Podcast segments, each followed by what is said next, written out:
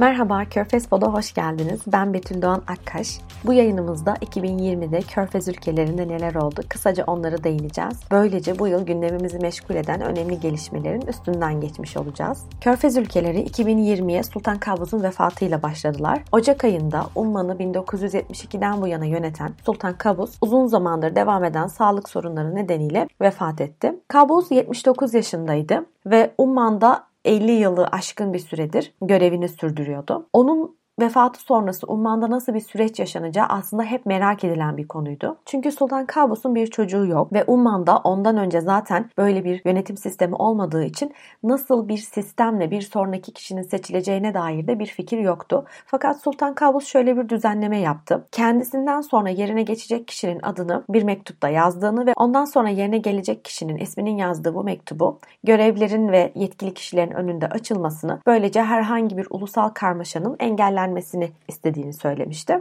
O yüzden herkes aslında bu mektubu bekliyordu ve muhtemelen kuzenlerinden birini yazacaktı. Çünkü kendisinin dediğimiz gibi bir çocuğu yok. Yani bir veliahtı yok. Sultan Kabuz vefat ettikten sonra mektup açıldı ve kuzeni Sultan Haytim bin Tarık El Said'in isminin yazılı olduğu görüldü. Bunun üzerine Sultan Haytem görevine başladı. Aslında Sultan Kabus'un son döneminde ve öncesinde de ciddi ekonomik sıkıntılarla boğuşuyordu Umman. Çünkü hem doğal kaynaklardan kaynaklanan gelirleri diğer körfez ülkelerinden daha az hem nüfus nüfusu daha kalabalık hem bir takım başka endüstriyel üretim problemleri gibi ekonomik sorunları vardı Umman'ın. Bunlar yeni bir sultanın geldiği dönemin Covid dönemine denk gelmesi de eklenince Umman'ın ekonomik durumunu daha da kötü bir sürece girmesine neden oldu. Bunun üzerine aslında Körfez ülkelerinden borç aldı Umman yetkilileri. Fakat buna rağmen yine de ekonomik durum tabii ki kısa zamanda düzelmedi. Muhtemelen bu uzun süreli bir reformun sonunda iyileşecektir. Bu yıl iki kere Umman'ın kredi derecelendirme kurumları notunu düşürdüler ve şu an BB eksi de Umman'ın notu. Ama şunu da söylemekte fayda var. Yalnızca Umman'da değil 2020 boyunca Körfez ülkelerinin genelinde maddi sıkıntılar yaşandı. Petrol gelirlerinin düşmesi, Covid salgını nedeniyle dünya genelinde yaşanan ekonomik süreç buna etkili oldu ve yapılan açıklamaya göre Körfez hükümetlerinin genelinde toplam olarak 100 milyar dolar daha fazla borç var bu yıl geçtiğimiz yıllara nazaran. 2020'nin diğer önemli meselelerinden biri Suudi Arabistan'da 2017'nin sonunda başlayan yolsuzlukla mücadele sürecinin Mart 2020'de devam etmesi. Aslında bu biten bir süreç değildi. Fakat Mart 2020'de şöyle bir şey oldu. E, bu kez prensler ya da tamamen yöneten aileye, Suud ailesine bağlı isimler değil ya da aileye yakın isimler değil. Daha normal vatandaşlar, memurlar ve üst seviyede hizmet veren bürokratlar arasından bir grubun rüşvet ve yolsuzluk iddialarıyla bir soruşturmaya dahil edildi isimleri. Ve Ulusal Yolsuzlukla Mücadele Komisyonu Nazaha yaptığı açıklamada 300'e yakın görevlinin toplamda 101 milyon dolarlık bir yolsuzluk ve rüşvet davası ile sorgulandığını söyledi. Bu sürecin sonunda yaşanan gelişmelerle bazı insanlar tabii ki hapse mahkum edildiler. Ama aslında Muhammed Bin Selman'ın e, görevde daha aktif olmasıyla başlayan bu yolsuzlukla mücadele süreci 2020 boyunca da devam etti diyebiliriz Suudi Arabistan'da. Mart'tan Eylül'e kadar koronavirüsle mücadele etti Körfez ülkeleri. Dünyanın diğer taraflarında olduğu gibi. Tabii ki ülkelerin çoğunluğunun yabancı işçilere ve beyaz yakalılara bağlı olduğunu düşünürsek ekonomik anlamda bir takım sıkıntılar yaşandı. Kuruluşlar, özel okullar, şirketler çalışanlarının maaşlarını ödeyemediler. Bazıları ödediler bu kez kendileri zor durumda kaldılar. O yüzden genel olarak toplumsal manada ve yönetimsel manada bir ekonomik sıkıntı olduğunu söyleyebiliriz. İnsanların genelinde bir işten çıkarma korkusu oluştu. Çünkü bir belirsizlik söz konusu. Buna petrol fiyatlarının düşmesi de eklenince ikiye katlandı adeta ekonomik problemler. Beyaz yakalılar nispeten daha iyi durumdayken işçilerin durumu ile ilgili pek çok haber çıktı. Fakat gerçek bir bilgiye ulaşamıyoruz bu noktada. Çünkü zaten işçilerin durumu Körfez ülkelerinde her zaman daha güvenlikleştirilmiş, daha sansasyonel bulunan bir meseledir. Bu konuyla ilgili özel bir yayın yapmayı düşünüyorum. Ama şunu söyleyebiliriz. İşçiler toplu halde kamplarda yaşadıkları için ve genelde çok kalabalık yurtlarda beraber kaldıkları için Covid gibi oldukça bulaşıcı bir hastalıkta da etkilenmeleri çok çabuk oldu. Ve mesela Katar örneğinden gidersek endüstri bölgesi diye bildiğimiz şehrin biraz dışında daha çok sanayi kuruluşlarının merkezlerinin olduğu bölge tamamen kapatıldı. Adeta bir geçilmez bölge oluşturuldu orada. Böylece oradan insanlar çıkmasın ve başka insanlar oraya gitmesin bu hastalık artmasın dendi. Fakat şunu da eklemek lazım. İrtibatta olduğum insanlarla konuştuğumda hep şunu söylediler. Eğer iş yeri sahibi yani bu işçilerin kefili olan kişi gerçekten zaten onlarla olması gerektiği gibi ilgileniyorsa Covid sürecinde de hem maaşlarını yatırma noktasında hem sağlık ihtiyaçları noktasında aynı şekilde devam etti. Hastanede yatmaları, test edilmeleri vesaire gibi konularda oldukça iyi tecrübeler yaşamış işçiler de var. Fakat bizim bilmediğimiz ve Uluslararası Af Örgütü'nün özellikle geçtiğimiz aylar boyunca üzerinde durduğu sanayi bölgelerindeki işçiler, büyük kamp alanlarındaki, inşaat alanlarındaki işçiler için maalesef yerli yerinde bir bilgiye sahip değiliz. 2020'nin diğer önemli meselelerinden biri Birleşik Arap Emirlikleri ve Bahreyn'in İsrail ile ilişkileri resmileştirme, normalleştirme sürecine girmeleri. Eylül 15'te İbrahim Anlaşması imzalandı.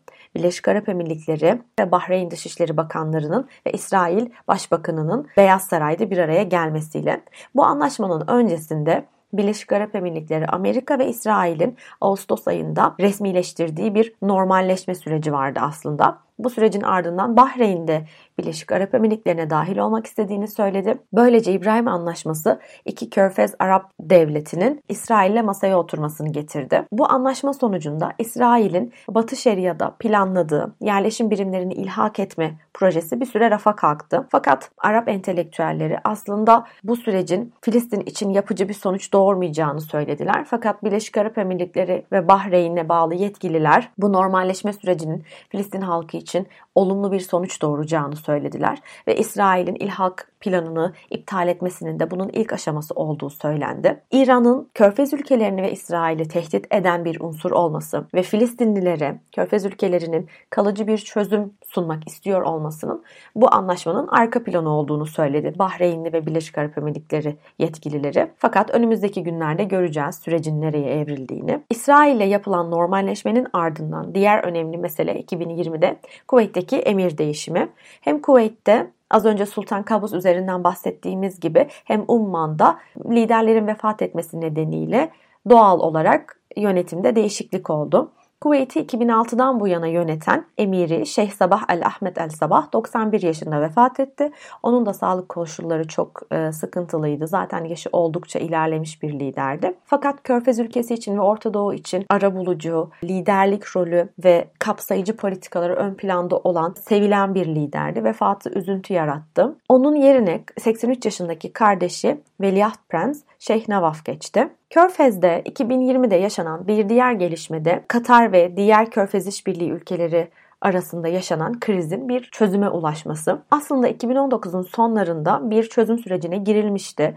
Fakat o süreçte Katar Dışişleri Bakanı Muhammed El Tani yaptığı açıklamada Katar'ın çözüme açık olduğunu fakat masaya oturduklarında sonuca varamadıklarını söyledi. Bunun üzerine 2020 Ocak itibariyle aslında çözüm süreci rafa kaldırılmıştı. Sonra tekrar geçtiğimiz ay bir süreç başladı ve öncesinde 40. Körfez Arap Ülkeleri İşbirliği Konseyi toplantısına Katar davet edildiği halde gitmemişti 2019 Aralık'takine ve emir yerine Riyad'a o dönemin başbakanı Abdullah bin Nasir El Tani gitmişti. Geçtiğimiz ay başlayan müzakere sürecinin ardından Katar tekrar 41. Kongreye davet edildi Emir henüz gidip gitmeyeceğini açıklamadı ama büyük ihtimalle üst düzey bir katılımla Katar kongrede yer alır. Ve bu kez hem ABD hem Kuveyt sürece yine dahil oldular. Hem krize dahil olan ülkeler hem de krizi izleyen diğer ülkeler bir arabuluculuk sürecinin kısmen başarıya ulaştığını açıkladılar. Hem Katarlı yetkililerden hem Suudlu yetkililerden daha olumlu ifadeler duyduk bu süreçte. O yüzden önümüzdeki günlerde yavaş yavaş Körfez krizine dair daha olumlu adımlar atılacağını söyleyebiliriz. Yani 2020 kısmen Körfez krizinin yumuşadığı bir yıl diyebiliriz. Sürekli yayınlarımızda Yemen'den bahsediyoruz. Aslında Körfez İşbirliği Konseyi ülkelerinden biri değil. Fakat onlarla çok ilişkide olan ve benim araştırma alanlarımdan birisi olduğu için size sık sık Yemen'den bahsediyorum. 2020 Yemen için kolay bir yıl değildi. Covid salgını, sıkıntılı şekilde devam eden iç savaş süreci aslında maalesef oldukça zor bir yıl yaşamasına neden oldu Yemen'in. Fakat geçtiğimiz günlerde Aralık başında kabinenin kurulması açıklanmıştı. Kabine kuruldu. Şu an bir takım sıkıntılarla karşılaşıyorlar. Fakat yine de 2020'yi kapatırken Yemen'de merkezi hükümetin güçlenmesine yönelik bir takım olumlu adımlar atıldığını ve bu olumlu adımların kısa zamanda bir barış getirmesini umuyoruz. Körfez ülkelerinde korona salgınından biraz bahsettik. 2020'yi kapatırken nasıl bir aşı sürecine girdiler? Aşı aldılar mı? Nasıl bir uygulama yapacaklar? Biraz da bunlara değinelim istiyorum. İlk olarak Birleşik Arap Emirlikleri aşı sürecine başladı. Arap monarşileri arasında ve Çin aşısıyla başladı. Üst düzey siyasi yetkilileri ve yönetici ailelere mensup insanları aşıladılar önce. Bu medyada ön plana çıktı. Sonrasında Sinopharm'ın aşısını tamamen onayladıktan sonra Dubai'de Pfizer-BioNTech'in aşısını alacağını açıkladı ve onu da onayladılar. Her iki aşı da şu an ülkede mevcut. Diğer ülkeler gibi Birleşik Arap Emirlikleri de hassas yaş grubunda olanları, bir takım kronik hastalık olanları, toplum için önemli mesleklerde çalışanları yani kritik noktalarda çalışan askerleri, polisleri, sağlık çalışanlarını gibi insanları aşıda önceleyeceğini açıkladı ve bu noktada bir aşı planı yapıldı ve oldukça sistematik bir şekilde ilerliyorlar aşı konusunda. Suudi Arabistan, Umman, Kuveyt, Katar yalnızca Pfizer-BioNTech'in aşısını aldılar ve onlar da aynı şekilde hassas gruplar, kronik hastalıkları olanlar, sağlık çalışanları, güvenlik çalışanları, siyasi elitler vesaire gibi gruplarla aşılamaya başladılar. Yoğun talep var. Batı'da aşı karşıtlığı daha yaygın ama bu ülkeler genelinde aşıya şu an çok olumlu bakıldığını söyleyebiliriz. Elbette desteklemeyen insanlar var ama genel genelde olumlu bir ortam oluşturuldu aşı noktasında. Bahreyn ve Birleşik Arap Emirlikleri Çin aşısıyla Pfizer-BioNTech aşısını beraber kullanan iki ülke.